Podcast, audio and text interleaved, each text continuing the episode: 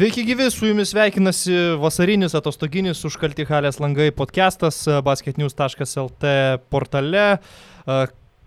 Kaip ir baigėsi krepšinio sezonas, uždaryti visi finalai, paskutinieji savo finalą pabaigė prancūzai. Vilermano Svelio pergalė prieš Monaką, vokiečiai irgi užsidarė, Barinas laimėjo seriją prieš Alba, Madrido Realas 3-1, taip tarsi logiškai nukovė Barcelona, tuo baigėsi Europinis krepšinio sezonas, apdovanoti NBA geriausiai, vyko naujokų birža, prasidėjo e, laisvųjų agentų, prasideda po truputėlį visa ta karuselė. O mes bandysim šiandien tai pakalbėti įvairiomis temomis, šiek tiek ir apie praeitį, ir bendrai apie krepšinį. Tikėkime, kad bus visai įdomu, galima sakyti, toks mūsų truputėlį testinis podcastas šiandien. Žiūrėsim, kokios bus jūsų reakcijos, kiek jums patiks, kiek ne. Ir galvosime, ar ateityje tokį formatą verta bandyti. Taigi tradiciškai esame dviese, šiandien Karolis Kadikinas ir Rytis Višniauskas užkalti halės langai puslapio autoriai. Sveikas ryte. Uh, tai va, Karoli, šiandien galvoju, skaitytojų klausimus perkelsim gal į antrą podcast'o dalį, bet tam užvažiavimui ant bėgių pasimkime Viktoro klausimą iš mūsų puslapio.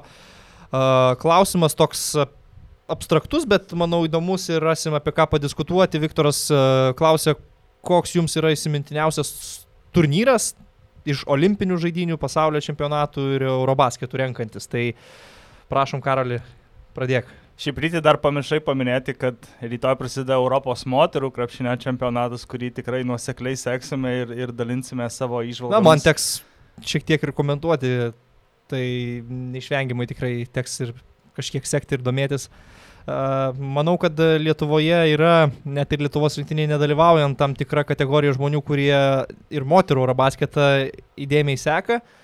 Ir tuos žmonės turbūt nesunkiai galite rasti įvairiose statymų grupėse Facebook'e. Tai, tai va. Uh, šiaip pačiai Lietuvos rinktiniai ten nedaug trūko, kad, kad, kad jo. patektų į tą čempionatą keturi apmaudus pralaimėjimai tiek Rusijai, tiek Vengrijai, bet dabar vėl. Ne, bet iš tikrųjų verta, kart... verta turbūt paminėti, nes um, pastaraisiais metais Lietuvos moterų rinktinė būdavo toks didelis gan nusivylimas ir uh, atleidinėjami treneriai ir žaidimas labai prastas ir vienas po kito blogi ciklai. Tai šį kartą su, su Mantu Šernium uh, ir kiek pavyko surinkti geriausias šalies krepšininkės, aš sakyčiau, neblogai visai atrodė mūsų rinktinė atrankoje, teko irgi komentuoti tas berots visas rungtynės, kurias žaidėm, tai, mhm. tai uh, tikrai labai labai apmaudu, nes net ir stiprioji grupė su Rusija ir Vengrija buvo gerų šansų praeiti į Eurobasketą kaip ir minėjai, tie pralaimėjimai, nu tokie žiaurus ir skaudus buvo ypatingai, man gal įsiminė Rusijoje, Maskvoje pralaimėtos rungtynės. Ten buvo gal plus keturi. Reikėjo tiesiog įmest vieną ar dvi baudas ir būtų viskas pasibaigę pergalę. Tai, bet šiaip pasakysiu, kad šita Manto Šerniaus komanda, moterų rinktinė, paliko visai neblogą įspūdį ir kažkiek bent jau gražino tokio optimizmo, kalbant apie moterų krepšinio perspektyvas Lietuvoje. Čia gal paminėsiu ir uh, E, naujai startavusi tą projektą Moterų lyga, kuriam e, vadovauja Gedrius Gustas su Lietuvos krepšinio federacijos e, pagalba ir taip pat, sakyčiau, na, kiek įmanoma, kokybiškas produktas moterų krepšinio Lietuvoje, tai galima kažkiek ir pasidžiaugti, nors tų rezultatų kol kas dar nėra. Aš taip sakyčiau, per šitos metus atėjo bent jau kažkoks pozityvas moterų krepšinio padangėje. Tai, tai va. Tai grįžtame prie Viktoro klausimo. Uh, ilgai mačiau, mačiau kurį, kurį turnyrą reiktų pasimi, pasirinkti, nes man iš esmės visi yra įsimintini. Gal kai kuriuos žiūrėjau mažiau, kai kuriuos daugiau, kai kuriuos labiau atsimenu, kai kuriuos ne, bet gal pasirinkau turnyrą tą, kuris man ne tiek, kad įsimintiniausias, bet tas, kuris įsiminamas dėl geriausių emocijų. Tai čia būtų 2010 čempionatas, kai rinktinė išvažiavo uh, dabar neturiu, neturiu po ranką sąrašo, bet mano mintyse tai buvo iš esmės LKL klubų. Palauk, rinktinė. galim pabandyti turbūt išvardinti, ko ne visus 12. Nu, tai aš pirmas, pirmus šešis tada, jeigu nesupyksi. Nesupyksiu. Tadas Klimavičius, Martynas Andriškevičius, a, Seibutis, Jankūnas, Jasaitis, Jeftokas. Taip. Tai dabar tavo likę šeši. Kalnietis. Um, Delininkaitis. Taip. Um, brolių nebuvo. Kleiza. Kleiza, Kleiza jo. Kaip, kaip galėjome pamiršti. Um, Wow, negalvojau, taip sunku. Aš irgi negalvojau iš tikrųjų, bet tikrai nebuvo ten jau tokie, nes, nu, kaip ir Klimavičius, Andriuškevičius buvo tokie labiausiai rinktinės patirties neturintys ir vieno turnyro žaidėjai, visi kiti ne. Uh, Martinas Pocius, tai 10. Ir, ir, ir, ir lieka dvi vietos. Jo, Jonas Mačiulis Čiulis buvo taip. Buvo 11 ir... Dar gal kažkas iš tos 8-4, 8-5 kartos. O dievai. Kažkokį vieną žaidėją turbūt ir paliekam, pamirštam. bet- Tinklalaidės eigoje galbūt pat- patikrinsiu. Gerai, nesvarbu. Tai va, tai man tas čempionatas yra daugiausiai teigiamų emocijų davęs, nes ta rinktinė tikrai po metais anksčiau vykusio Europos čempionato išvažiavo tokiam uh, ne per daug optimistiškom nuotaikom. Reikia ir, pasakyti, kad... ir pati e, rinktinė nebuvo laimėjusi to kelialapio. Čia Wildcardas, taip. vienas iš tų atvejų, kai dėl rimtų priežasčių reikia e, dėkoti Antanų, Antanui Guogai dėl, dėl, dėl šito indėlio į Lietuvos krepšinį. Pats žaidimas man labai patiko čempionato metu. Buvo sunkesnių rungtynių, tarkim, net ir prieš, prieš tokias iš pirmo žvilgsnio lengvesnės komandas kaip Zelandija, Libanas, Kanada, man atrodo. Bet buvo ir nuostabių pergalių, ypač prieš, prieš, tarkim, visiems gal labiausiai įsiminusios rungtynės prieš Ispaniją, bet man labiausiai įsiminė ketvirtfinalis prieš Argentiną, kur Argentina neturėjo, jeigu paminu, tik tai žinobilio, toliau buvo visa jų dar nuo Atenų likusi auksinė karta, su keliomis išimtimis jau buvo aukščiausią lygį pasiekę ir, ir tokie dar anksčiau jaunesni žaidėjai kaip Delfino, Skole žaidė eilinį kartą savo karjeros čempionatą rinktinėje. Ir tai ne, net ne tai, kad lietuviai laimėjo, bet tai kaip jie sutraiškė argentiniečių savo, savo puolimo mašiną taikliais tritaškiais. Jeigu neklystu, vėlgi neturiu statistikos po ranka, bet gal šeši žaidėjai pelnė dvi ženklį taškų skaičių, kas parodo puikų, puikų indėlį kiekvieno žaidėjo į tą pergalę ir vėliau sekęs pralaimėjimas prieš amerikiečius pusfinalėje, pusfinalėje ir dar vienos puikios rungtynės dėl trečios vietos prie, prieš, prieš metus uh, buvusius Europos vicečempionus graikų. Ne graikus, atsiprašau, serbus, kurie irgi buvo labai jauni, labai talentingi, labai Bet aš manau, serbai pergalių. buvo su, sulaužyti. Pralaimėjimo Turkijai. Nes ten teisėjų klaida jiem uždarė duris į finalą. Ir aišku, lietuviai irgi su savom bėdom, Robertas Jeftokas, kaip sakoma, be kojų praktiškai ėjo žaistą bronzinį mačą. Ir negalima tos pergalės nuvertinti, bet manau tikrai serbai ir laiko net mažiau turėjo atsigauti po pusfinalio, o emociškai tikrai lietuvių pralaimėjimas amerikiečiams nesulyginamas tam pralaimėjimui, kurį serbai patyrė žaisdami su čempionato šeimininkais uh, turkais. Beje, netgi ta, tos pusfinalio rungtynės su JAF, aš galiu pasakyti, kad man jos įsiminė kaip geras lietuvių pasipriešinimas uh, JAF rinktiniai, nes tai nebuvo pati stipriausia JAF rinktinė, bet uh, tam, kad jinai laimėtų prieš Lietuvą, kad perlaužtų rungtynės, jiems vis tiek prireikė Kevino Duranto įspūdingo asmeninio pasirodymo, nes 30 gal 8, 9. kažkur tai trečio kėlinio vidury ar pradžioj dar vis tas rezultatas po Gecevičiaus kelių tritaškių, man rodos, buvo toks apie... Va, Gecevičius yra tas 12 žaidėjas. Jep. Atsiprašom, kad E, pamiršom. Taip, tai buvo tas rezultatas toks dar vis apylygis ir tada Kevinas Durantas tiesiog pasiemė rungtynės ant, ant savęs ir jas nulėmė. Tai Ir tai JAV rinktinė tiesiog atrodo gal tuo metu, kad nėra iš geriausių, didžiausių vartų su jie buvo Amerikoje vadinami B komanda ir atsimenu, kai jie laimėjo auksą, Kevinas Durantas, tada dar Facebookas buvo labiau einamas dalykas, e, rašė Facebook'e B-Team, ha, klaustukas. Tai, tai va, nes iš tikrųjų ten nebuvo tų uh, olimpinių čempionų, kurie 28 nukalė auksą, nebuvo Kobe Bryanto, nebuvo Lebrono Jameso ir būrio kitų žvaigždžių ir Kevinas Durantas buvo dar tik prasimušantis kaip rinktinės asmenybė, kaip rinktinės lyderis ir, ir kiti pana, pana, panašų žaidėjai, bet aišku, mes kalbam apie JAV, kalbam apie NBA. Bet buvo būsimi MVP, tokie kaip Karis, Vesbrukas, tas pats Durantas, Taip. finalų MVP Guadala, kuris puikiai atliko savo darbą gynyboje. Taip ir Lamaras Odomas, mes kalbėjom vienam iš ankstesnių podcastų, kad JAF rinktinė po kelių blogų turnyrų pasuko tą linkmę, kad treneris ieško nebūtinai tų žaidėjų, kurie yra geriausi, bet tų, kurie labiausiai tinka. Ir tarkim, Odomo statymas vidurio polėjų Fibos krepšinėje buvo tikrai vienas tokių pasisekusių Maiko Kšiževskio ėjimų, nors tikrai nepasakysi, kad tais metais Lamaras Odomas buvo labai išskirtinis žaidėjas NBA. Tai va, man irgi šitas turnyras įsiminęs labiau dėl Argentinos rungtynių nei Ispanijos, nors taip tikrai tas comebackas prieš Ispaniją vertas dėmesio. Ten jau turbūt daugelis buvo įsitikinę, kad ispanai laimės rungtynės, kai jie turėjo dviženklę persvarą, žinant, kad tai nebuvo Lietuvos rinktinė geriausios sudėties, bet Pas ispanus nežaidė tik Pau, kiek pamenu. Jo, pas ispanus nežaidė Pau, jis tą turnyrą dirbo komentatoriumi televizijos, o buvo ir Markas, ir buvo Rubio, Navarro. Navarro. Tikrai buvo labai stipri komanda ir... Aleksas Mumbru. tai buvo, buvo ir jis. Ir, ir ką, tas kombekas įsiminė, bet aš, man irgi tos rungtynės su Argentina labai gera emocija liko po jų, nes tikrai ne visada vien pergalė rezultatas tiek daug tų emocijų atneša. Tarkim, kai Jonas Mačiulis ištraukė rungtynę su Gruzija, aš negaliu sakyti, kad mane tai metai į euforiją, bet su Argentina tiesiog skraidė Lietuvos rinktinė.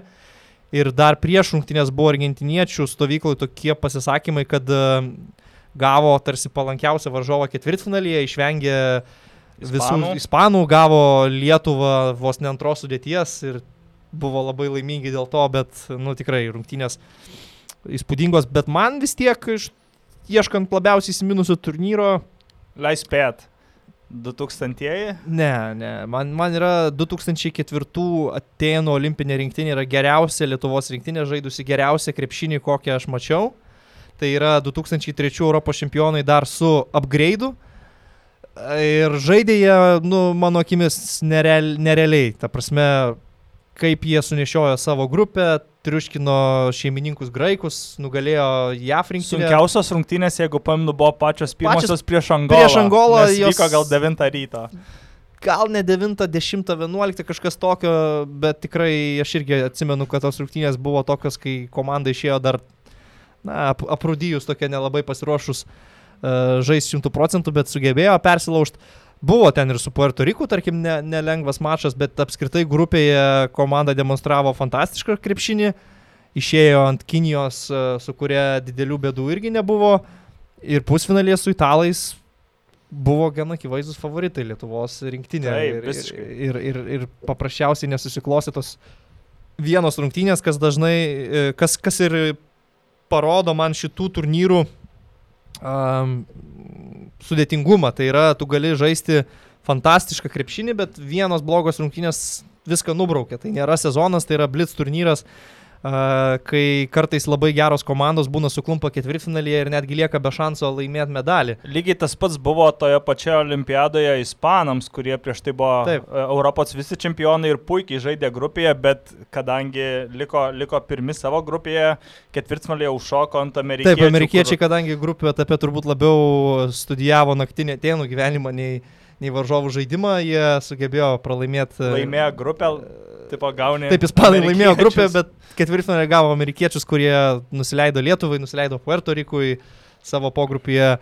Ir taip, sutinku, ispanai irgi, jie, šitos dvi komandos po 2003 Eurobasketo finalo į 2004 mano akimis atėjo dar geresnės ir žaidė dar geriau tiek Lietuva, tiek Ispanija, bet Ispanams susiklostė taip, Lietuviam irgi susiklostė viskas labai nelaimingai, tas pralaimėjimas Italijai, kur kaip viskas blogai bebūtų, kiek bekrito tritaškiai italams, jei nebūtų išsibaudavęs Štombergas, aš įsivaizduoju, vis tiek būtų lietuviai paėmę. Kaip tik norėjau klausyti, kiek tu pergalę. pameni būtent iš tų rungtynių? Aš gerai pamenu, nes aš esu iš tų mazochistų, kurie žiūrėjo ne kartą ir įrašą šito mačo ir ne, ne, taip, ne, ne taip seniai, iš tikrųjų, nu ne šį mėnesį, bet tikrai neseniai, man atrodo, praėjusią vasarą sėdėdamas sodyboje pasižiūrėjau šitų rungtynių įrašą, kas ten buvo ne taip, ko ten pritrūko, tai tikrai kažkur italam labai pasisekė, kažkur galima sakyti, gal be reikalo buvo iš, iš oro pasirinkta zoninė gynybos sistema. Tada, sakau, su Sauliu Štombergo lyderystė jau atrodė Lietuva vėl ima rungtynės į savo pusę, bet tada kapitonas įsibauduoja, nu žodžiu.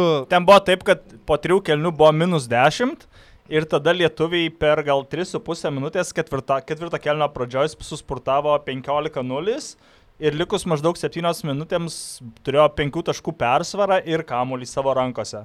Tai va, ir aš tikrai šventai esu įstikinęs, kad jeigu būtų išlipusi komanda iš to, būtų tikrai laimėjusi finalą prieš Argentiną. Tai čia net išlipti nereikėjo, čia tiesiog reikėjo tą išlaikyti ir toliau tęsti tą, tą savo spurtą. Nu, ta prasme, išlipusi iš to pusfinalio, ką norėjau pasakyti, Tiesa. nes pusfinalis buvo labai sunkus, sunkiausios akivaizdžiai rungtynės visam turnyrė. Ir jei būtų pavykę laimėti, aš tikrai esu įstikinęs, kad nugalėtume Argentiną finale. Jei aš gerai pamenu, Emanuelis Žinobilis nežaidė finalo dėl traumos. A, nemanau. Ar- Aš, ar- aš dabar negalėčiau tvirtinti, bet Gerai, reikia atsidaryti. finalo atsiprašom, kad taip tiksliai ne, ne, nepasiruošėm podcast'ui. Gerai, aš tada, kol surasiu, tau užduosiu klausimą, kaip tu manai, arčiau olimpinio aukso Lietuva buvo tais 2-4 ar tada, kai Šaras metė bazarbiterį Sidnėjui? Tai pusfinalyje? Šaras Bazerbyterį metė po laiko. E, Visi, kurie bent daugiau negu vieną kartą žiūrėjo tas rungtynės tą pusfinalį, e, pats metimas buvo atliktas po laiko, jau pasibaigus laikui. Aišku, tai negeičia fakto, kad per, prie pergalės lietuviai buvo labai arti. E, Ką dar norėjau pasakyti yra tai, kad nors Jasikevičius tą metimą, kaip jau sakiau, išmetė po laiko, bet pilnai tikiu, kad tas metimas galėjo būti jau įskaitytas, nes tais laikais nebuvo dar tų technologijų, kurios, e, kurios yra dabar, kai, kai vykdomos peržiūros e, metimams ir, ir panašioms situacijoms. E, Kada buvo arčiau, aš manau, kad 2004-aisiais, nors net ir tris olimpiadas iš eilės, tiek 2000-aisiais, tiek 4-ais, tiek 8-ais metais, lietuviai buvo, ai, turėjau menį iki aukso, ne? Nu taip, ta A, prasme. jo, tai 2000 2000 metus tą metimą, sakykime, jis yra įskaitomas, eini žaisti finalo su Prancūzija, kuri tuo metu nebuvo kažkoks stebuklas.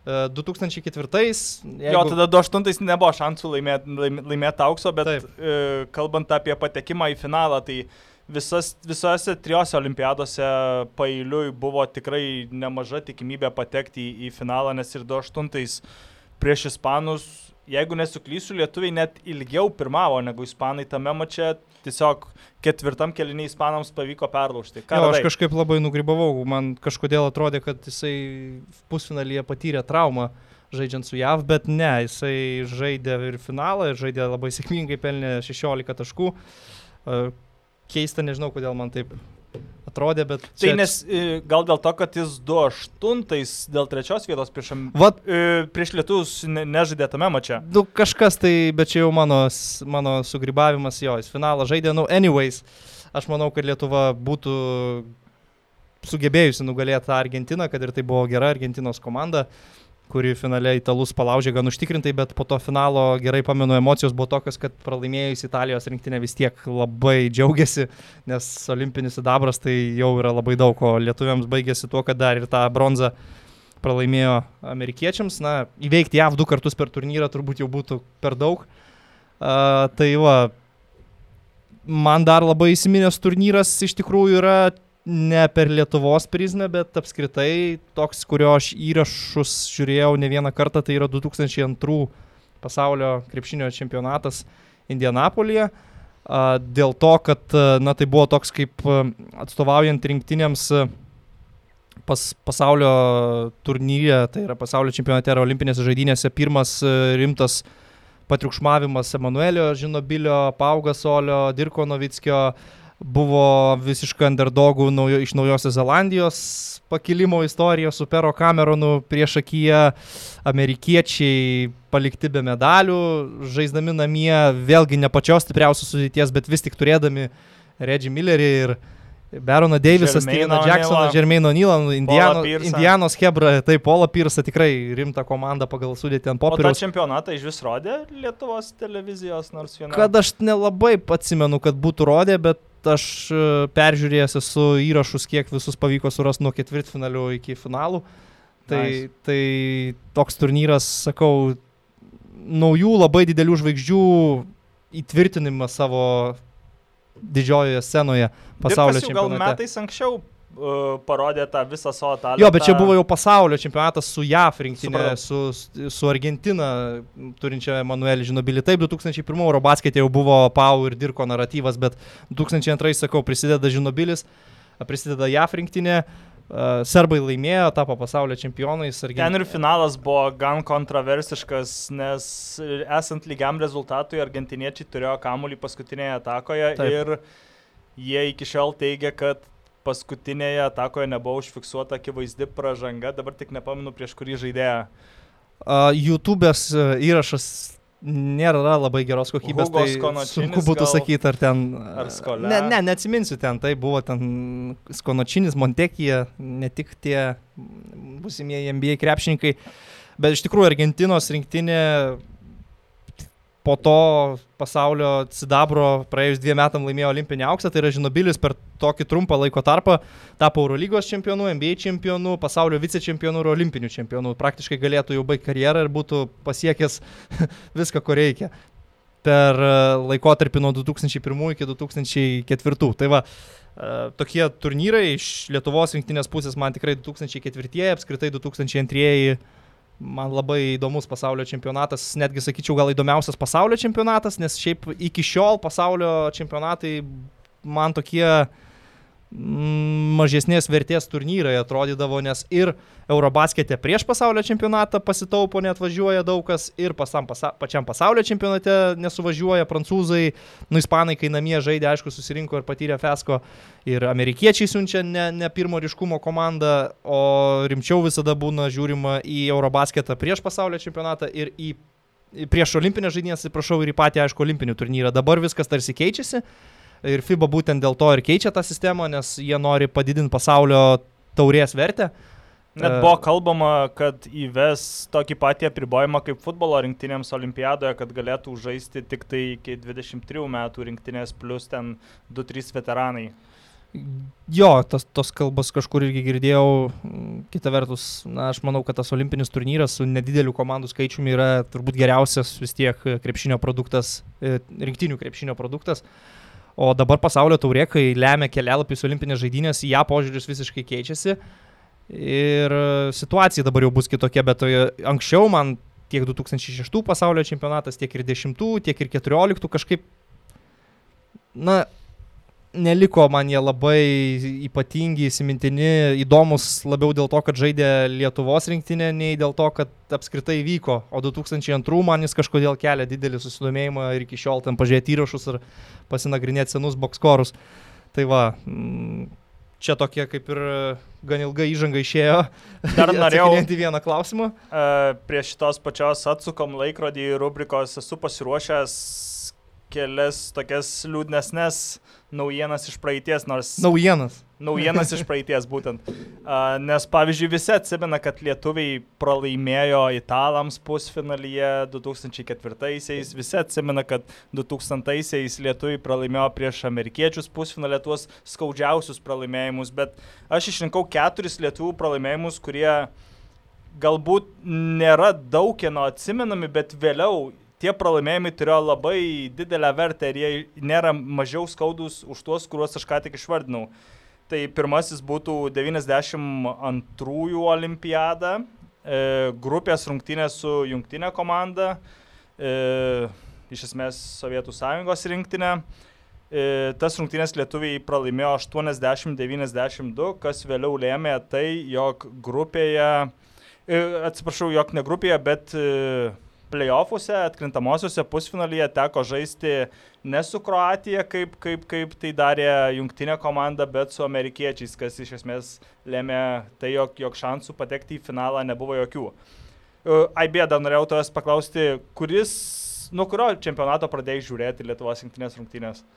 Am, 95 finalą žiūrėjau su tė- tėčiu ant kelių. Penkių metų? E, Taip, nu, aš wow. tikrai negaliu atsiminti, nu, aišku, po to jau matytas įrašas ir galima atsiminti rungtynės, kas ten vyko, kaip ten kas buvo, bet apskritai atsimenu patį faktą žiūrėjimo finalo. 96 Atlantą jau taip visai normaliai atsimenu, kas tuo metu vyko mano ma- ma- mažam pasaulėlyje šešerių metų, o toks jau, kur visai švariai galėčiau atsiminti ir kokios buvo rungtynės, ką aš veikiau po rungtynių ir panašiai, tai būtų Sidnėjaus olimpinės žaidynės, kai ir ta laiko juosta buvo kita ir pavyzdžiui, kai žaidėm su serbais, a, ne, nejau į pirmą pamoką ir po to gavau truputį bart, bet likau namie, tėvai išvažiavo į darbą, sakiau tikrai, tikrai eisiu į mokyklą, bet likau namie ir žiūrėjau rungtynės su, su serbais, po kuriuo atėjau į kažkurią pamoką ir mokytoja truputį apšaukė mane. Tai, tai va, e, 2000 jau tokie, kurios e, turnyras olimpinis, kurį tikrai taip gan švariai jau atsimenu.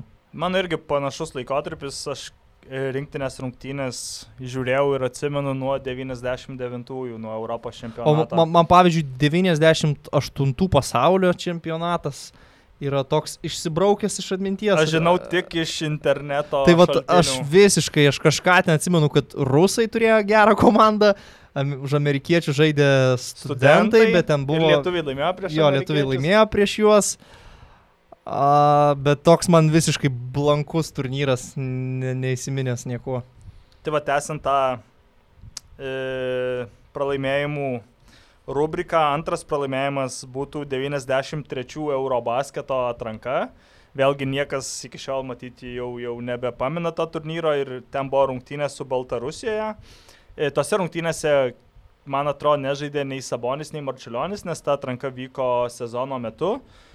Ir pralaimėta 88-80 ir e, kas lėmė pasitraukimą iš Europos čempionato ir, ir kas lėmė ir sekančių metų laisvą vasarą, nes patekimas į 94 Europos, į pasaulio čempionatą ėjo per 93 Europos čempionatą. Tai vad galima sakyti, kad per vienas rungtynės a, lietuviai prarado du čempionus, kas, čempio, čempionatus, kas turėtų būti šiais laikais nu, pakankamai skaudus dalykas. Žinant, kad 95 rinktinė buvo per žingsnį nuo Europos aukso, tai tiek 90 93, tiek 94 nesilpnesnė komanda tikrai būtų įmanoma surinkti e, su dar metais jaunesniais Saboniu, Marčiulioniu, tai jo, aš, aš sakau, buvau per mažas, aišku, kad visą tai matyčiau ir patirčiau realių laikų, bet irgi manau, kad e, toj Lietuvos, nepriklausomos Lietuvos krepšinio istorijoje kažkiek skaudu, kad prarasti du turnyrai tos labai stiprios kartos krepšininkų, kur buvo galima galvoti apie dar e, papildomus medalius. Tuomet e, trečias pralaimėjimas būtų 98-ųjų, čia tas, kurio abu dar nepaminam, tiesiog kiek pavyko rasti iš šaltinių. Antrame etape buvo pralaimėta Ispanijai po pratesimo. Man atrodo, Ispanijoje gal ir vyko pasaulio čempionatas tas.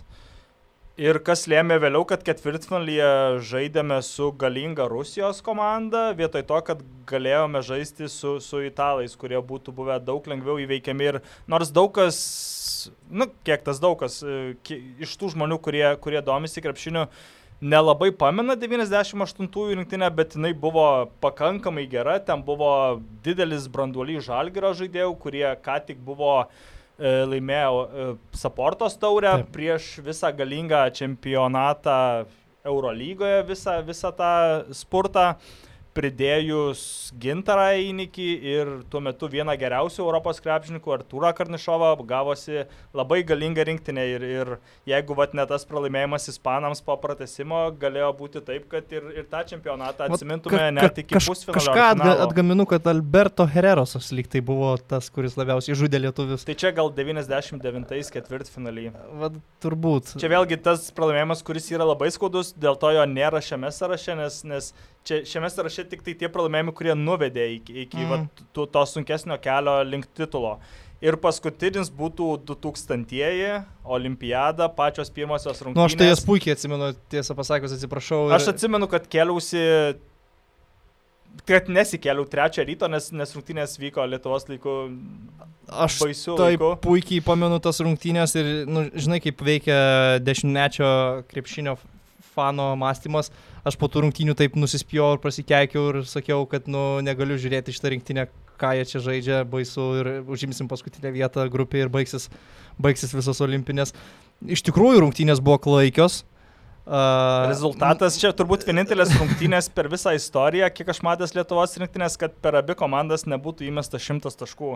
50-48. Buvo turbūt paskutinis, ar ne, turnyras rinktinių, kur buvo dar žaidžiami du du keliai. keliai po 20 minučių. o, o ne 4 po 10. Uh, aš tiesą pasakius, mieliau turbūt dar kartą pasižiūrėčiau Atenų pusfinalį Lietuva Italija, pra- pralaimėta nei šitas rungtynės, nes šitos yra tiesiog kančia, nu, ta prasme, buvo siaubingas krepšinis. Iš Galbūt- abiejų komandų, iš abiejų komandų tiesą pasakius. Ten gal lietuvių rezultatyviausias žaidėjas buvo turbūt Timinskas su kokiais taškai. 9 taškais ar kaž, kaž, kažkas tokio. Galbūt dėl to, kad jos tokios baisios, jų įrašo niekur nėra internete. Manau, kad Bet- jis užslaptintas. Vėlgi, šis pralaimėjimas lėmė tai, kad lietuviai liko e, treti savo grupėje, dėl to gavo labai stiprų varžovą jau ketvirtfinalyje, Jugoslaviją, juos pavyko įveikti, bet pusfinalyje susi, susitikta su amerikiečiais, nors jeigu būtų tas rungtynės lietuviai laimėję, jie galėjo laisvai iš, iš, išvengti šių krepšinio milžinų ir, ir ketvirtfinalyje ir pusfinalyje susitikti su tokiom daug lengvesnėm komandom kaip Kanada, Australija, Prancūzija, kurios būtų buvę daug lengviau įveikiamos ir galbūt va, tas pusfinalis, kurį taip puikiai atsimename, galbūt jis būtų persikėlęs į finalą. Kita vertus, aš galvoju, pavyzdžiui, va 2000 tas pralaimėjimas, kurį paminėjai, arba 92 mažiau įstringa žmonėm ir dėl to, kad pats turnyras vis tiek turėjo laimingą pabaigą. Tai yra, baigėme turnyrą su medaliais, su olimpinė bronza.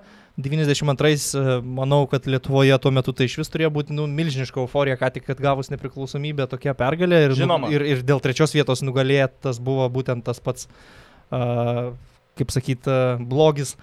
Uh, O 2000-ieji, na irgi po to pusfinalio, kiek be buvo liūdna, visi atrodė, aš, aš gerai pamenu nuotaikas, visi labai didžiavos komanda, kad taip arti buvom pergalės e, prieš amerikiečius ir paskui uh, nugalėjom Australiją dėl trečios vietos ir nelabai gal net tuo metu su kokias galva dėl to, kaip galėjo būti kitaip. O 2004 išlieka taip skaudžiai atmintyje dar ir dėl to, kad po to bronza buvo pralaimėta. Kaip ir 2008 paskui buvo pralaimėta bronza, nes pati turnyro pabaiga nebuvo laiminga.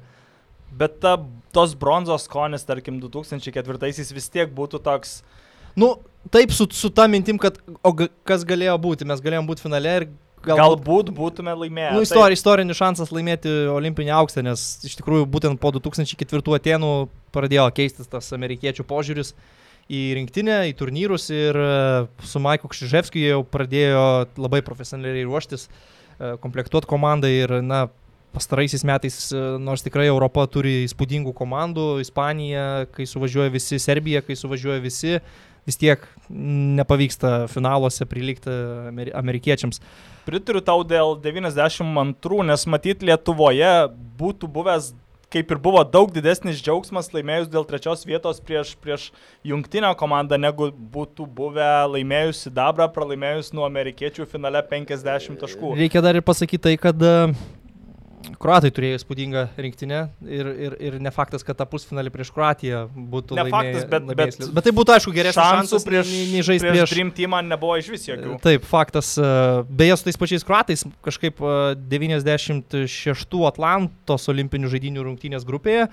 Pratesimai buvo. Jo, ir, ir, ir kažkada Lietuvos televizija buvo paleidus tokį fainą projektą auksinės rungtynės Lietuvos rinktinės ar kažkaip taip ir ten įsimintiniausi visokie mačai buvo ir teko prisimintas rungtynės, tai labai geras e, mačas, e, kur lietuviai jau buvo išsibaudavę ir Rimas Kurtinaitis tapo tuo lyderiu pratesime, kurio tritaškiai realiai e, padėjo laimėti rungtynės prieš vėlgi labai galingą Kroatijos komandą su Toni Kukočium ir, ir, ir kitomis to meto žvaigždėmis. Tai uh, va, nu čia gal jau nesakykime įžanga, čia sakykime pusę podcast'o išėjo vien diskutuojant apie tą vieną Viktoro klausimą.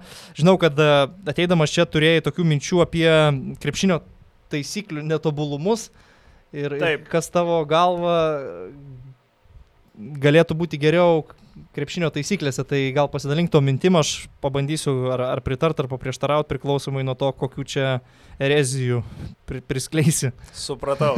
A, tai pra, pradžiai gal reiktų pasakyti, kad a, apie taisyklės kalbant, kalbėsiu vien apie, apie tai, kas yra Europoje, nesigilinsime į, į, į amerikiečių kultūrą, į amerikiečių traktavimą, nes, nes vėlgi čia reiktų turbūt atskiro podcast'o.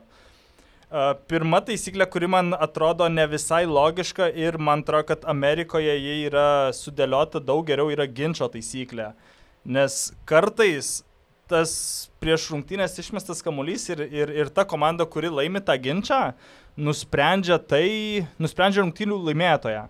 Nes man atrodo nelogiška yra tai, kad e, vėliau yra dalinamasis kamuoliu e, vienai tai vienai tai kitai komandai ir gale rungtynių gaunasi taip, kad esant ginčiui, lygiam rezultatui, arba ten minus vienas, minus du taškai, ir esant ginčiui nekovojama dėl kamulio, bet tiesiog žiūrima pailiui, kuriai komandai atiteks tas kamuolys. Ir, ir kai tu, tarkim, pralaimi vienu tašku, Ir vietoj to, kad užpultum paskutinę atakoje, ten kas nors įvyksta, į kamuolys į koją atsitrenkia dar kas nors ir, ir, ir ginčas įvyksta, tuomet tiesiog varžovai perima iš tavęs kamuolį ir tu jau tada tavo, tavo galimybės laimėti rungtynės stipriai sumažėja.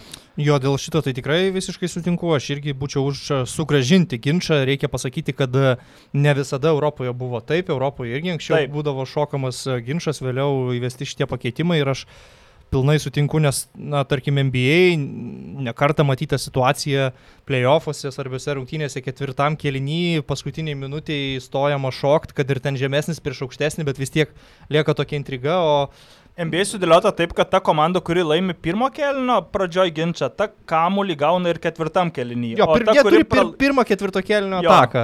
O, o, o tie, kurie pralaimi antrą, trečią kelnį pradeda su kamuliu, o visi ginčiai rungtynų metu yra šokami. Jo, tai aš sutinku, čia tai neprieštarausiu, tikrai irgi būčiau už, kad ir Europoje būtų šokamas ginčas.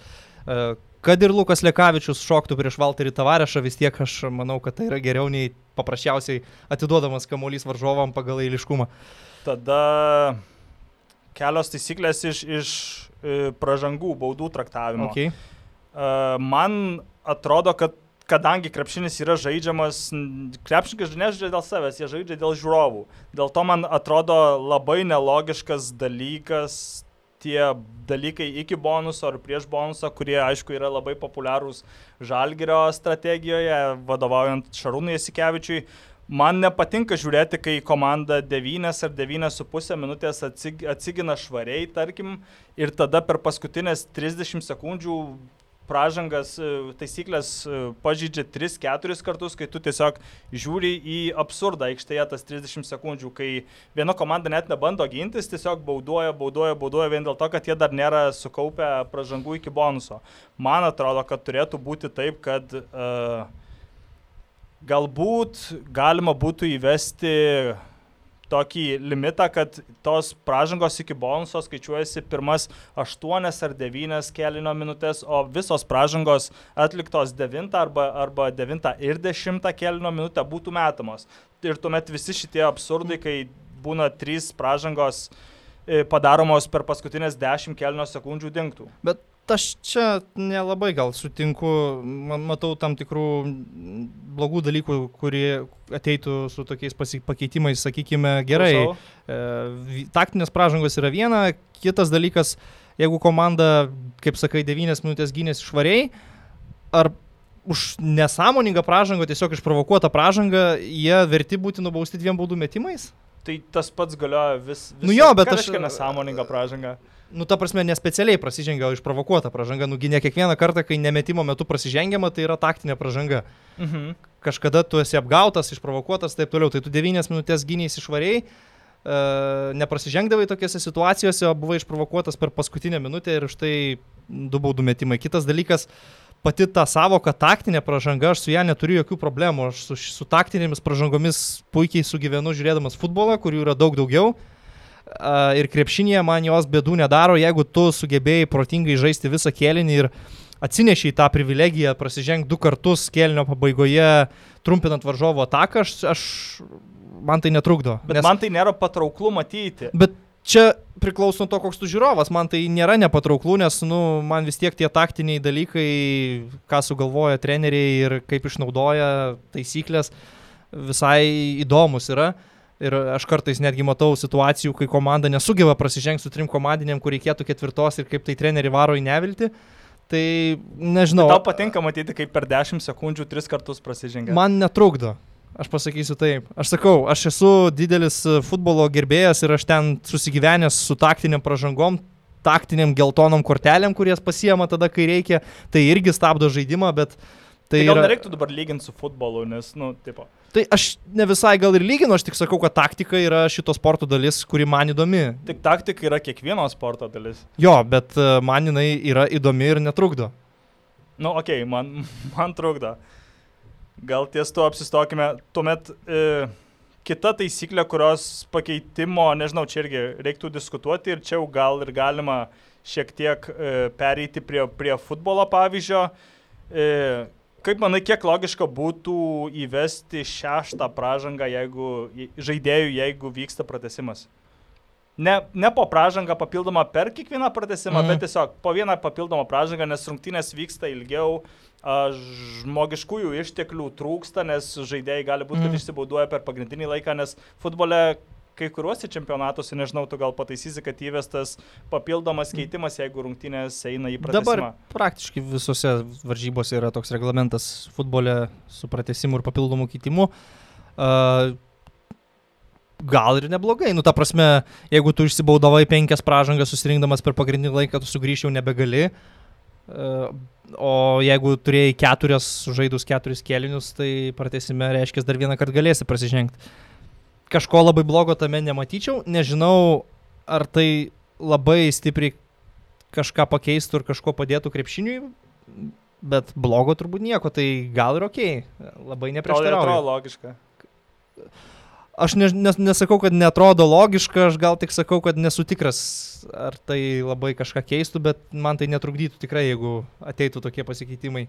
Tuomet dar vienas dalykas iš baudų metimų. Čia gal toks labai retai pasitaikantis, bet NBA yra taisyklė, kaip ir vat, kuriuose šeštose finalo rungtynėse, kad jeigu žaidėjas prieš kurį prasižengta atsisako mesti baudų, jis lyg ir gavęs traumą, tai jis tuomet negali grįžti į rungtynės. Europoje to nėra. Jo, šitas iš NBA man tinka dalykas ir aš iš NBA netgi pasimčiau nesportinių pražangų traktavimą. Neperžiūrinėjimą nuolatinį kilinto laipsnio ten flagrant foul, bet uh, Amerikoje NBA vis tik galima kiečiau prasižengti ir stabdyti varžovą, sušeriant jam per rankas. Suširiant. Taip, uh, kai Europoje tą nesportinę pražangą per lengva, man atrodo, gaut.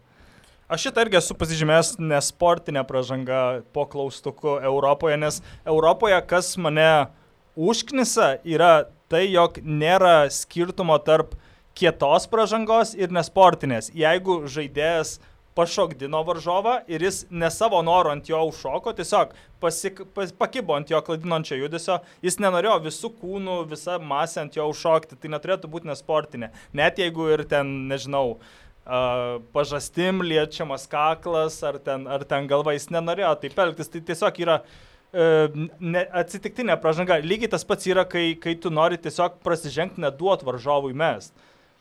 Tai tiesiog yra kieta pražanga, NBA dažnai vadinama ten playoff foul, kur, kur Mm. visai kitokia gynyba atkrintamųjų metų. Tai Dar yra tie traktavimo niuansai, kai pasigendu gal tos vienos linijos tada jau iš, išlaikymo, nes, a, na, kaip ir aiškiai apibriešta, kad jeigu nėra bandymo žaisti į kamolį, tai ta sąmoninga pražanga turi būti nesportinė. Pakankamai daug tų pražangų rungtynių pabaigoje, kur jau prasideda baudavimas, būna tokių, kur kaip ir nebandė išmušti Jo. kamolio, bet nesportinė nėra ten skiriama. Tai aš sakau, aš labiau norėčiau matyti ir Europoje tą NBA lygos e, nesportinių pražangų traktavimą, kas leistų tikrai prasižengti kiečiau, kartais ir labai kietai, bet tuo pačiu niekur nedingtų paskutinės vilties e, pražanga, kuri yra nesportinė ir, ir, ir kiti niuansai. Man geras dalykas bent jau toks, kad ką pasiemė e, Euro, Europa iš NBA dėl techninių pražangų, kad nebėra taip, kad gauna ir, ir baudomės, ir kamuolį Nes čia jau per didelė, man atrodo, bausmė už techninę. Dabar yra taip, kad gauna tiesiog tą vieną baudos metimą ir man tai atrodo... viskas vyksta, kaip prieš tai būtų vykę. Jo, man, man tai atrodo visiškai normali bausmė. Tai va. Ir kaip manai, ar pakankamai teisingai Europoje yra traktuojami žingsniai, žingsnių taisyklė? Nu, jinai liberalėja. Europoje, sakyčiau, po truputėlį gal yra bandoma suartėti prie NBA. Uh, Nes man, pavyzdžiui, bent jau anksčiau nepatikdavo tai, kai žaidėjas gauna kamolį laisvas prieš krepšį, nėra jokių varžovų, nes dažniausiai žingsniai, mano nuomonė, turėtų būti išvilpiami tada, kai žaidėjas su kamuoliu bando, bando įgyti nelegalų pranašumą prieš varžovą. Mhm. Kai Mhm. žaidėjas vienas laisvas prieš krepšį, jis nebando jokio pranašumo įgyti, jam tiesiog taip gavosi, jis gal ten dėjo žingsnį, dėjo kitą, tada sumušė, įmetė, įdėjo, jis niekas jam netrukdė, tai jis galėjo lygiai tą patį padaryti ir, ir, ir iš pradžių sumušęs kamuolį, dadėjęs du žingsnius. Tai va, bent jau anksčiau taip man atrodo, nežinau, ar dabar, ar, ar dabar dar lygiai taip pat traktuojama Europoje. aš nežinau, aš kažkaip neužkliūna, man neturiu didelių pr- problemų su žingsnių traktavimu Europoje.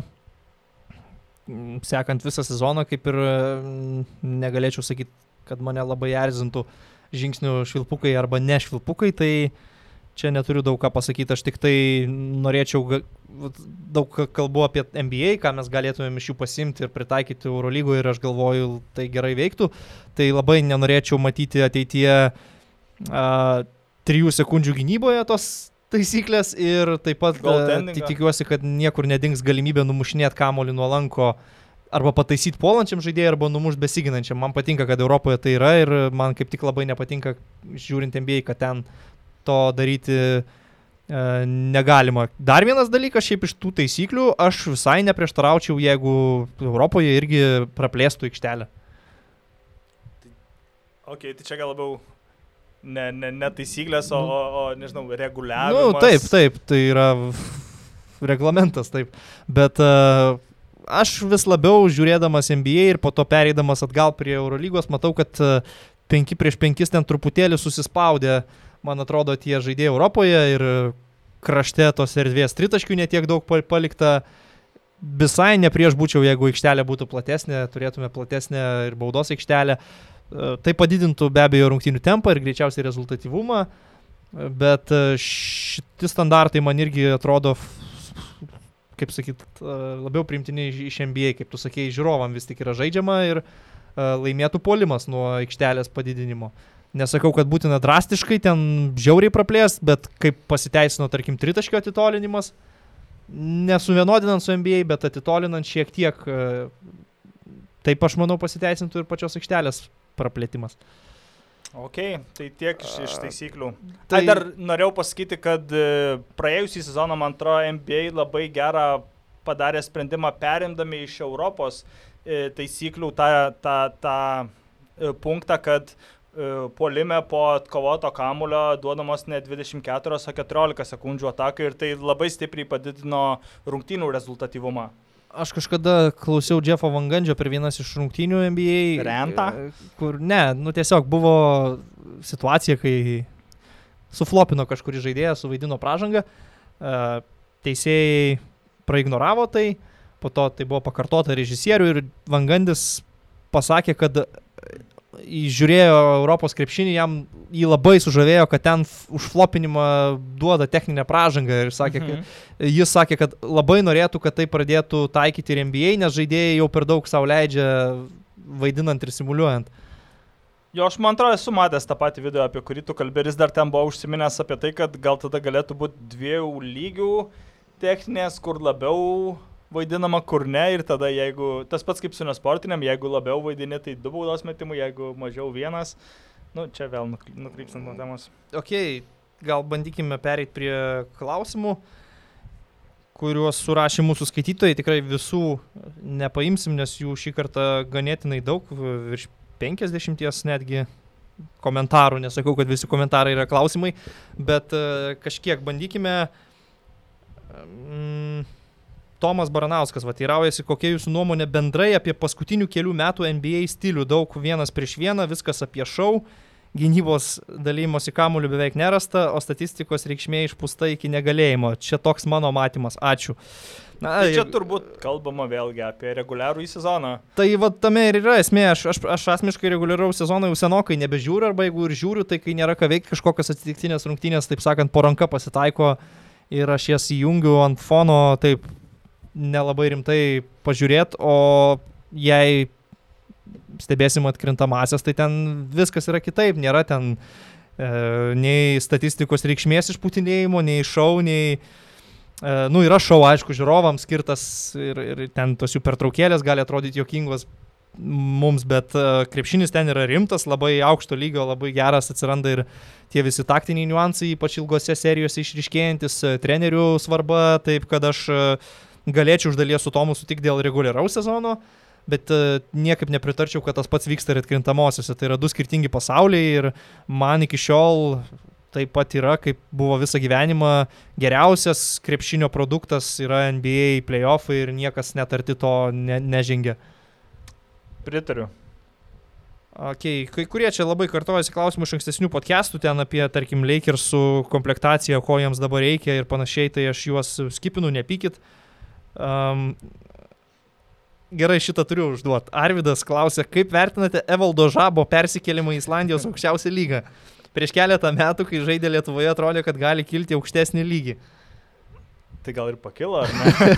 tai aš, aš galvoju, iš tą klausimą taip filosofiškai galima atsakyti. E, kartais kažkaip yra, man atrodo, Lietuvoje užmiegama ir per daug patikima ta idėja, kad LKL yra kažkokia super sustiprėjus wow. lyga pasiekus ten baisinį levelį. Judinsim šitą. Uh, nu taip, nes nu kokia yra realybė, tie žaidėjai LKL, e, kaip Evaldas Žabas čia duodamas tarsi pavyzdys, kažkokią statistiką turintys, e, pažaidžiantys atrodytų visai nu, neblogi, jų variantai užsienyje yra Prancūzijos žemesnės lygos arba va, Islandija ar, ar, ar kažkas tokio. Tai man atrodo, kad reikia tiesiog adekvačiai suprasti, koks yra tas lygis ir koks yra, e, kokia yra didelė praraja, tarkim, tarp LKL tų vidutinių komandų ir tada jau Europos taurės ar Ispanijos ACB čempionato ir jau nekalbu apie Eurolygą. Man, nu, turėčiau matyti pritarti, nes uh, man Lietuvos krepšinio lyga, aišku, aš dabar čia nenoriu labai bad mouthint ant, ant, ant tos lygos, yra kaip yra, bet man jie yra tiesiog Lietuvos studentų lyga plus stiprūs legionieriai. Ir tie, kurie negali žaisti studentų lygoje. Man maždaug tokio lygo yra Lietuvos krepšinio lyga. Vėlgi, aš sakau, aš nenoriu nieko blogo pasakyti, nu, tiesiog čia, čia mano nuomonė. Taip, uh, Nu, jie turbūt dar galima susegmentuoti, nes, sakykime, žalgirį tu palieki savojo orbitoj, tada segmentuoji rytas, Neptūnas ir pastaraisiais metais turbūt gali kabinti lietkabelį, tada jau leidėsi žemiau už to ketvertuko ir tą ketvertuką netgi dar gali segmentuoti bent jau dvi dalis. Taip, man žalgiris nėra LKL komanda. Nu, tai be abejo, tai nėra. Tiesiog kaip vardinį kvietimą gavusi kažkokia rimta Tai jie... nu, nežinau, rimta organizacija, kuri tiesiog savo norų kažkodėl dar žaidžia toje lygoje, o geriausia, geriausiai lygą įvertinti reiktų tada, kai tu atmeti geriausią ir blogiausią komandas. Ir tai, kas lieka, tai yra tikrasis lygos veidas. Mm. Nu, okei, okay, visai sutinku, tikrai Žalgeris, netgi tiksli, tiksli frazė labai, man atrodo, nėra LKL komanda, nes... Ar jie, LKL organizacija, gal galima LK... taip sakyti? Ne, aš netgi sakyčiau, jie nėra LKL komanda, nes jie LKL sezono metu niekada net ir nežaidžia savo stipriausią sudėtimį ir geriausią rotaciją. Išskyrus jau finalą, nu taip finale, bet ten irgi dažnai turėdami jau didelį skirtumą gali sauliaisti uh, e, pradėti atlikinėti keitimus ir keisti savo rotacijas. Čia tai... lygiai tas pats kaip žaidėjo, negalima vertinti pagal jo geriausias arba blogiausias rungtynės. Reikia ir geriausias, ir blogiausias atimti ir tai, kas lieka, tai yra tikrasis jo lygis. Čia mano nuomonė vėlgi. Jo, keli klausimai yra apie Davidą Sirvidį ir kiek, kokie jo šansai patekti į NBA. Rokas netgi sako, kad visi labai hypina kaip gerą metiką, nors be gražaus metimo ir ūgio jis nelabai ką daugiau ir gali pasiūlyti. Um, nu, turbūt yra tie duomenys ilgos rankos, šiais laikais tokio stiliaus žaidėjai metikai trečios pozicijos su ilgom rankom yra patrauklus, jeigu iš jų sugebi nulibdyti ir padorų žaidėją gynybai. Kol kas to Davidas tikrai neturi ir man atrodo, kol kas gynyba yra pagrindinė bėda, dėl ko jis negalėtų pakilti kažkur labai aukščiau nei Vilniaus rytas, bet mes vis dar kalbame apie labai jauną žaidėją. Tas perspektyvų paaišymas ir ateities prognozavimas yra toks nedėkingas dalykas, nes labai sunku su juo yra pataikyti. Aš nestatyčiau ant to, kad jis bus NBA krepšininkas, bet pilnai tikiu, kad jis gali pasiekti rinktinės lygį ar Eurolygą su savo duomenim, jeigu bus tinkamai dirbama ir taip žingsnis po žingsnio didės jo minutės dabar ryte, paskui gal dar kažkur kitur. Tai matau jam neblogą ateitį, bet ar tai yra NBA ateitis, aš, aš abejoju. Vėlgi reiktų apsibriežti, kas yra NBA žaidėjas. Ar NBA žaidėjas yra tas žaidėjas, kuris uždė vienas... Ne, ne, apsibriežkim, apsibriežkim, kad NBA žaidėjas nėra tas, kuris yra... išvažiavo, pabandė ir grįžo, tas, Man kuris NBA išvažiavo... yra nežinau, 3-4 sezonai kažkur, ten per dvi komandas galbūt, kai, kai tau baigėsi kontraktas, tau komanda siūlo pratest kontraktą, nes uh, sužaist 5 ar 10 rungtynių tenkinančioje komandoje gali, nežinau. Nu, tai aš, aš tą ir sakau, ap, apsibrieškime, NBA žaidėjas yra žmogus, kuris organizacijoje turi rolę, žaidžia ir, kaip tu sakėjai, jeigu jo kontraktas baigėsi, jam jis gali jį pratesti arba gali gauti kitų pasiūlymų iš kitų komandų. Nelaikykime NBA žaidėjo to, kuris nuvažiavo, pabandė, neišėjo ir grįžo. Na, sakykime, Milošo Tedosičiaus aš negaliu laikyti NBA žaidėjų, jis ten pabuvo, pasiuostė, pasibandė. E, jaunimo irgi tokio yra, kur pabuvo pasimėtė tarp G lygos ir NBA. Nu, pavyzdžiui, Azija Hartensteino aš kol kas dar nelaikau NBA žaidėjų, nors jis jau yra Houstono Rockets. Tai jeigu prie tokio turint tokį apsibrėžimą, ką, ką pats galvoji dėl Sirvidžio jaunesniojo? Uh, nu, tai mes jau esam kalbėję gal prieš dvi ar tris savaitės, kad viskas priklausys nuo jo darbo, taip kaip jisai tobulės, tiek kiek jis, nežinau, stengsis treniruotėje, kiek jam pavyks užsiauginti svorio, kad, kad nebūtų tokia, vėlgi jau minėta, visiška skylė gynyboje, nes jeigu uh, Jeigu, nors jis, aišku, vis dar jaunas, jam, nežinau, ką tik 19 metų suėjo, e, bet... Manau, kad tuos minususus vis tiek jis ir jo aplinka gerai žino ir ant to yra daug dirbama ir dabar, kai tu jau esi padraftuotas, tau atsiveria dar didesnės galimybės dirbti, tai yra vasaromis turi kur nuvažiuoti. Tai aš kartą sakau, tai jis, jis, jis turi kur dirbti, bet priklauso nuo jo noro, ar, ar jis nori tobulėti, ar jis, ar jis, nežinau, yra užsibrėžęs savo siekį, nežinau, už dviejų sezonų gauti bent 15 minučių NBA mm. ir, ir ties tuo to nu, lygiai dirba. Apie jį šiaip esu girdėjęs tikrai gerus atsiliepimus, tai labai, labai palinkėsim pasiektų savo svajonių ir dirbtai. Matėm čia dabar nuotrauką su Michaelu Conliu ir Donovanu Mitchellu po treniruotės, tai manau dabar būnant tokiam jaunam jau padirbėti, pabūti šalia šitų krepšininkų vis tiek yra kažkas, gera patirtis, tai manau, kad bent jau kol kas Davidas turi savo gyvenimo vasarą, visi šitie įvykiai, kurie vyksta, o kas bus toliau, tai faktas, kad e, viskas jo rankose ir priklauso nuo jo paties darbo. E, klausimų nemažai yra apie Žalgirį, dėl jų žaidėjų korpuso, neseniai čia Robertas Jeftokas pareiškė, kad žaidėjų grandis yra suformuota. Nigelis Williamsas Gosas tarsi jau ir nebedomina, turime Leo Westermaną, Luką Lekavičių, Tomas Volkapas statomas. Tą poziciją, gali pažaisti žaidėjų ir Marius Grigonis, tai žmonės kai kurie nerimauja, kad per silpna ta pozicija, kiti šiaip klausia, ar jūs manot, kad užtenka tų žmonių, tai manau viskas labai priklauso nuo Westermano sveikatos visų pirma ir antra nuo to, kiek Lukas Lekavičius yra pasiruošęs būti lyderiu. Šarui labai imponuoja Lukas ir jie jau dirbo anksčiau ir Lekavičius Žalgirėje taip paprogresavo, kad uh, patraukė Čiavi Paskvalį ir Atenų Panetnaikoso dėmesį. Esu gan užtikrintas, kad Lukas ir toliau gali žaisti bent jau tame pačiame lygyje, jei ne aukštesnėme. Leo Westermano sveikata turbūt yra tai, ko negali planuoti ir prognozuoti. Tai čia vat, ir iškyla problema, ar Tomas Volkapas yra pakankamas saugiklis, žaidėjas, kuris vis tik yra labiau antras numeris pradėtas daryti į žaidėjų, su gynyba viskas tvarkoj, tuo vadovavimu puolime gali kilti tam tikrų abejonių.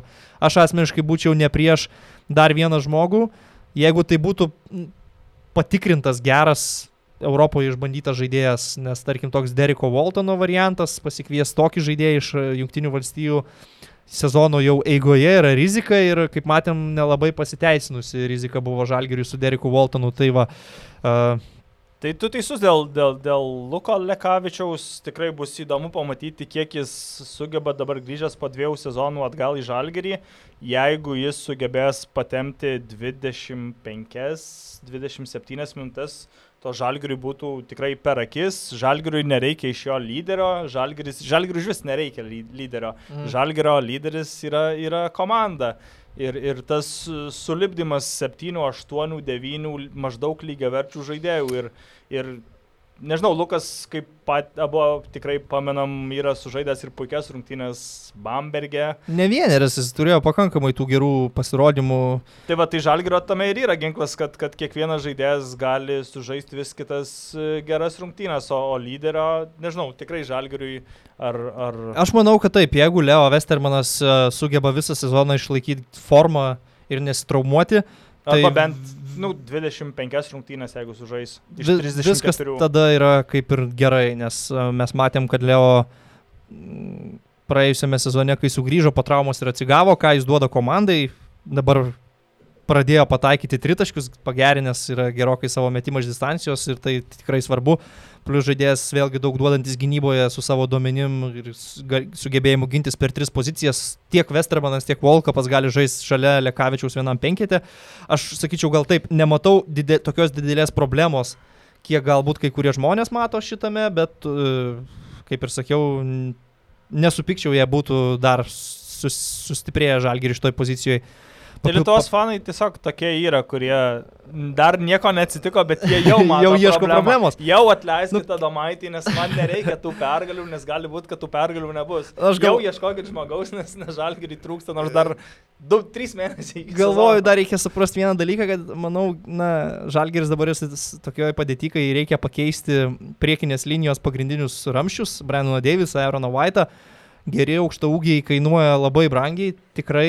Ir e, jeigu tu nori nusipirkti du gerus centrus ir dar vieną kraštą, manau, kad kažkurioje pozicijoje galbūt reikės pataupyti ir parizikuoti, nes vis tik Žalgeris nepasiekė to beribio biudžeto lygio, kai visose pozicijose gali turėti po du lygiai verčius keitimus ir, ir priklausomai nuo rungtynių paskui tai žaidėjais yra rotuojama, tai reikia viską tikrai paskaičiavus, pasvėrus, nuspręsti, kur yra prioritetai, o kur galbūt galime mm, daugiau užkrauti vienam žaidėjui, tikėtis progreso ir, ir, ir panašiai, manau, į Tomasą Volką irgi dedamos viltis, kad jis bus padaręs e, pažangą. E, Arūno visai įdomus klausimas, dėl kurių lietuvių nesusikloščiusios karjeros jums labiausiai gaila ir apmaudu. Pirmas atsakyk. Mano atsakymas galbūt toks, ne tai, kad tai yra nesusiklošius karjera, bet aš pasakysiu Arvidas Sabonis. Tiesiog dėl to, kad jis į NBA lygą išvažiavo jau būdamas e, solidaus amžiaus ir po visų savo alinančių traumų ir operacijų. Ir e, mes neturėjom galimybės pamatyti Arvido Sabonio jo geriausios versijos NBA. O turbūt būtų tapęs dominuojančių centrų, dominuojančią jėgą ir legendinių tiesiog vidurio polėjų visos NBA lygos ir galbūt ir čempionų žiedų priskynės, kas net žino. Tai Man gal... Aš vėlgi nenoriu sakyti iš anksto, nes žaidėjas dar, dar tęsia karjerą, bet man liūdniausia yra dėl Žygimanto Janavičiaus, nes, nes pavyko vaikystėje kelis metus kartu lankyti krepšinį Lytoje ir aš mačiau, kokią tai lygio tuo metu buvo talentas, e, kokie buvo, kiek geresni už, už, už kitus bendramžius buvo jo, nežinau, sprendimų prieimimai, jų greitis, fiziškumas, ūgis, uh, staigumas, visa kita ir, ir, ir tai, kaip, kaip susiklostė jo karjera. Dėl to man kažkiek liūdna, nes vis tiek žm- žmogau nuo, nuo, nuo vaikystės e, žinojau bent kažkiek asmeniškai, pa, žinojau, nežinau. E, ir vis tiek ne, ne kiekvienas žmogus, būdamas net ir metais jaunesniu, jau- žaisdamas jaunimo čempionatuose, patenka į simbolinį penketą ir, ir tikrai manau, kad iš jo galėjo gautis tikrai labai labai aukšto lygio žaidėjas. Ir, ir tai kaip, kaip dėja nesusiklostė dėl, dėl visų traumų ir, ir sveikatos problemų yra kažkiek liūdna. gerai, paimkim dar du klausimus iš to, ką jūs mums prirašėte. Lygiai du. Turiu padėkoti, kad e, reaguojat, rašot e, ir jei šiandien neatsakym į tai, kas buvo jums įdomu, nereiškia, kad kitą kartą neatsakysim. Tai gerai, bandykime. Antanas klausė, kurį iš nežaidusių NBA lietuvių visų laikų labiausiai norėtumėt pamatyti šio laikinėje NBA, įsivaizduokim, kad jų karjeros pike. Tai A- mano atsakymas, nežinau koks tavo, bet turbūt būtų Štombergas. Nes manau, šiais laikais, kai, kai aukšta ūgiai taip šeria tritaškius, tai jis, manau, kukintų neblogai stretch for Plus pozicijoje. pajėgus ir pasiginti, protingas, aukšto intelekto žaidėjas. Aš irgi pritarčiau dėl Štombergo, kad tai būtų įdomu, bet e, man gal Artūras Karnišovas vis dėlto Mhm. kaip tikras sniperis, tikras metikas, toks lietuviškas Pežas Stojakovičius, galbūt taip pasakysiu, ir, ir šio laikinė NBA irgi, manau, galėtų surasti savo vietą, juo labiau, jeigu, kaip čia sakoma, tas hipotetinis scenarius jis atvažiuotų savo geriausiais laikais, tai su juo dar būtų tikrai padirbėta ir pas, pasistengtų tą organizaciją, kuri gautų šitą žaidėją, dar jį pasišlifuoti taip, kad turėtų savo vertingą krepšininką, tai manau, kad irgi būtų visai, visai įdomu. Uh, apskritai, tai aš noriu pasakyti, kad Derenas Bodiroga man yra gaila, kad niekada nenuvažiavo į NBA, nes man tai yra fantastiškas krepšininkas. Nežaidėjai, ne? Nežaidė NBA, tai yra... Nes buvo tokių žaidėjų kaip, kaip ten Antuanas Rigodo, kurie irgi buvo aukščiausio lygio Europoje. bet jie- Veteranais nuvažiavo, jis ten Dalas Jo, Amerikas. jo, tam buvo pusę sezono pa, pa, pažaisdavo, bet Nieko rimto, bet Dežanas Bodiroga man tai yra nu, nerealus žaidėjas e, ir, ir aš kažkaip galvoju, kad jis NBA lygoje būtų galėjęs pasiaus ne ką prašiau. Ir kaip jūs matęs tą video, kaip kokį na... Šiam, Karmelo. šiam godino Karmelo Anthony, taip, tą video, manau, visi matė. Tai turbūt 2004 olimpinės žaidynės buvo. Tu antrų, man atrodo, pasaulio čempas. Kur tu Karmelo Anthony, jo. pasaulio čempas. Tai, tai jo, vad sakau, čia iš nelietuvių, bet man toks žaidėjas, kuris visada galvojau, kad NBA lygoje galėtų būti tiek pat geras, kiek Europoje buvo. Uh, gerai, paimkim tada klausimą Mindaugo įdomi jūsų nuomonė apie Valančiūno neišrinkimą į ESPN geriausių laisvų agentų top 30, ar jis tikrai toks prastas. Aš pradėsiu gal tai, čia problema turbūt nėra tame, kad Valančiūnas prastas, čia labiau yra tame, kad uh, tie NBA apžvalgininkai ir apskritai galbūt net pati lyga nebevertina taip gerai centrų. Ir kalbant apie tą top 30, jiems tarkim toks Danny Greenas, kuris įmeta tritaškį ir ginasi per tris pozicijas, atrodo didesnė vertybė nei tas centras, kuris Memphije porą mėnesių dabar rinko po dvigubą dublį. Man atrodo, čia tame daugiau yra esmė, nei kad pats Valančiūnas yra blogas, prastas ar kažkaip kitaip. Man irgi atrodo, nereiktų didelio dėmesio kreipti į, į šiuos pareiškimus, į šias antraštės top 30, kodėl būtent top 30, kodėl ne top 32, kodėl ne top 27, kodėl būtent. Tiesiog žiniasklaidai reikia rašyti, ESPN reikia rašyti. Uh... Ir kai kurie turbūt apžvalgininkai gal nelabai pažįsta Joną, gal jiems lengviau įrašyti tuos žaidėjus, kuri, kuriuos jie geriau pažįsta, gal tiesiog išlaikyti tarpusavę tą ryšį e, bendraujant su jais. Dėl to... Vis tiek aš galvoju tokio lygio, sakykime, žiniasklaidos priemonė kaip ESPN, rašant tokį straipsnį yra kažkokių žinių, kiek tas žaidėjas vertina, e, domino klubus, kokie klubai domisi ir apie kokius pinigus galbūt yra kalbama. Tai aš pilnai tikiu, kad Jonas Valančiūnas dabar yra situacijoje, kai paprasčiausiai e, reikia pabaigti formalumus ir pasirašyti ilgalaikį kontraktą su Memphis ir jis gal net nėra labai svarstomas kaip kažkoks būsimas kandidatas kitų jo, komandų. Būtent, būtent jis labiau žiūrimas kaip vos ne restricted free agent, kuris šiaip ar taip liks toje komandoje. Gal tiesiog Nu, kaip ir sakai, ne, nežiūrima į jį kaip į laisvą agentą. Apskritai, jeigu kalbėt apie tos klasikinius centrus NBA lygoje, kurie dabar nėra madingi, bet e, tarp jų tikrai Jonas Valančiūnas yra vienas geresnių variantų NBA. Aišku, ne kiekviena komanda, ne kiekviena organizacija nori savo dalį nemažą algų kepurės e, paskirti centrui ir, ir tiek. Visi dabar trokšta visų pirma gero įžaidėjo, gero kūrėjo, ir tuo pačiu tokių antros, trečios pozicijos snaiperių, kurie gerai ginasi. Visi ieško būtent to, nieks nebeieško klasikinio centro, kai buvo senesni laikai, kai visi Gliniedakė ir kiti virš 2.13 išvažiuodavo į NBA ir būdavo draftinami ir būdavo bandomi. Dabar taip nebėra. Tiesiog tokios krepšinio šio laikinio tendencijos. Nu ką, man atrodo, išplėpėjom visai nemažai, nors šiandien tokių konkrečių temų ir einamų aktualijų neturėjom. Uh, Sakau, labai įdomu bus sužinoti, kiek jums patiko toks pašnekesys apie praeitį, apie atsukom. tokias va temas, atsukam laikrodį ir panašiai. Tai uh, YouTube norėčiau, kad paliktumėt komentarų, pastabų, kaip jums visą tai atrodo. Uh, mes paskaitysim, atsižvelgsim, žiūrėsim, kaip, kaip tęs toliau mūsų podcastą, kokiu formatu, ką daryti vasarą, kai nėra sezono. O šį kartą turbūt, kad tiek. Atsisveikinam. Kaip visada primenu, prenumeruokit mus Podbynę, Stitcher arba Spotify platformose, užkalti Halės langai kanaluose. Taip pat visus įrašus galite rasti savo telefonų programėlėse iPhone podcast arba Android podcast. Ir tinklalapyje basketnews.lt skiltyje tinklalaidės. Nu ir dar kartą pakartosiu, YouTube platformoje mus galite ir stebėti, ir prenumeruoti. Ir ten e, kviečiu palikti savo komentarų, išvalgų pastebėjimų, kritikos, o gal ir kažkoks vienas kitas komplimentas nubirės. Tai va, šį kartą tiek, iki. Dėkui.